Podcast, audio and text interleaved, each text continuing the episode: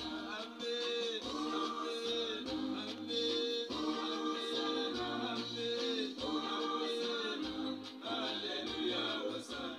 Yes, salibonani balaleli bomsakazo kaZulu. Siyaqhubeka ngohlelo lwethu-ke olwezempilakahle-ke esiluphiwa yi-International Medical Corps ihamba kanye le-USAID-ke besinika-ke indaba ezimnandi mayelana-ke ngempilakahle-ke.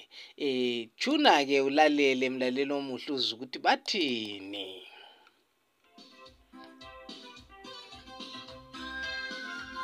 Umntwana ongavikelwanga emkhuhlaneni sengagula agogeke kumbe akhule engondlekanga abanye njalo bayabhubha. Kuphephile ukuvikela umntwana ongaguliyo kakhulu kumbe ogogekileyo kumbe ongondlekanga.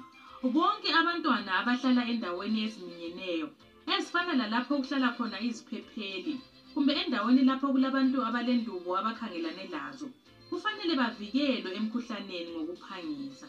Ikakhulu emkhuhlaneni we-measles. Bona ukuthi uvikelekile emkhuhlaneni ukuze uzikhusele.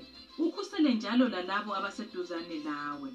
Nxa udinga imbiko efaneleyo emayelana lokuvikela emkhuhlaneni xhumana lalabo abalolwazi olujulileyo abafana lezisebenzi zempilakahle inhlangothi ezikhangela ngezempilakahle ezifana lolwe-world health organization i-unicef uhlangothi olubona ngezempilakahle kanye lokondliwa kuhle kwabantwana.